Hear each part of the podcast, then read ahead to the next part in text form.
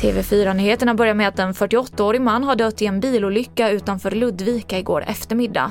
Mannen satt ensam i en av bilarna som krockade med en bil med två passagerare som skadades allvarligt och en förundersökning har inletts.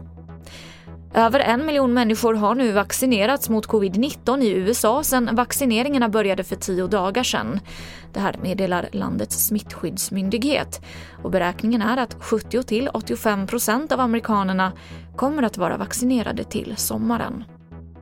Så till Kina där hälften av landets vuxna nu räknas som överviktiga. Enligt siffror från landets hälsodepartement så har antalet överviktiga nästan fördubblats sedan början av 2000-talet.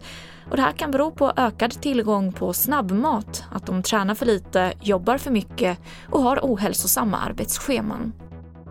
Och jag avslutar med att en fjärdedel av alla platser på Sveriges polisutbildningar stod tomma under hösten. Och det här beror på att det inte var tillräckligt många av de sökande som nådde upp till antagningskraven enligt Ekot. Framförallt är det utbildningarna i Umeå och Växjö som haft många tomma platser.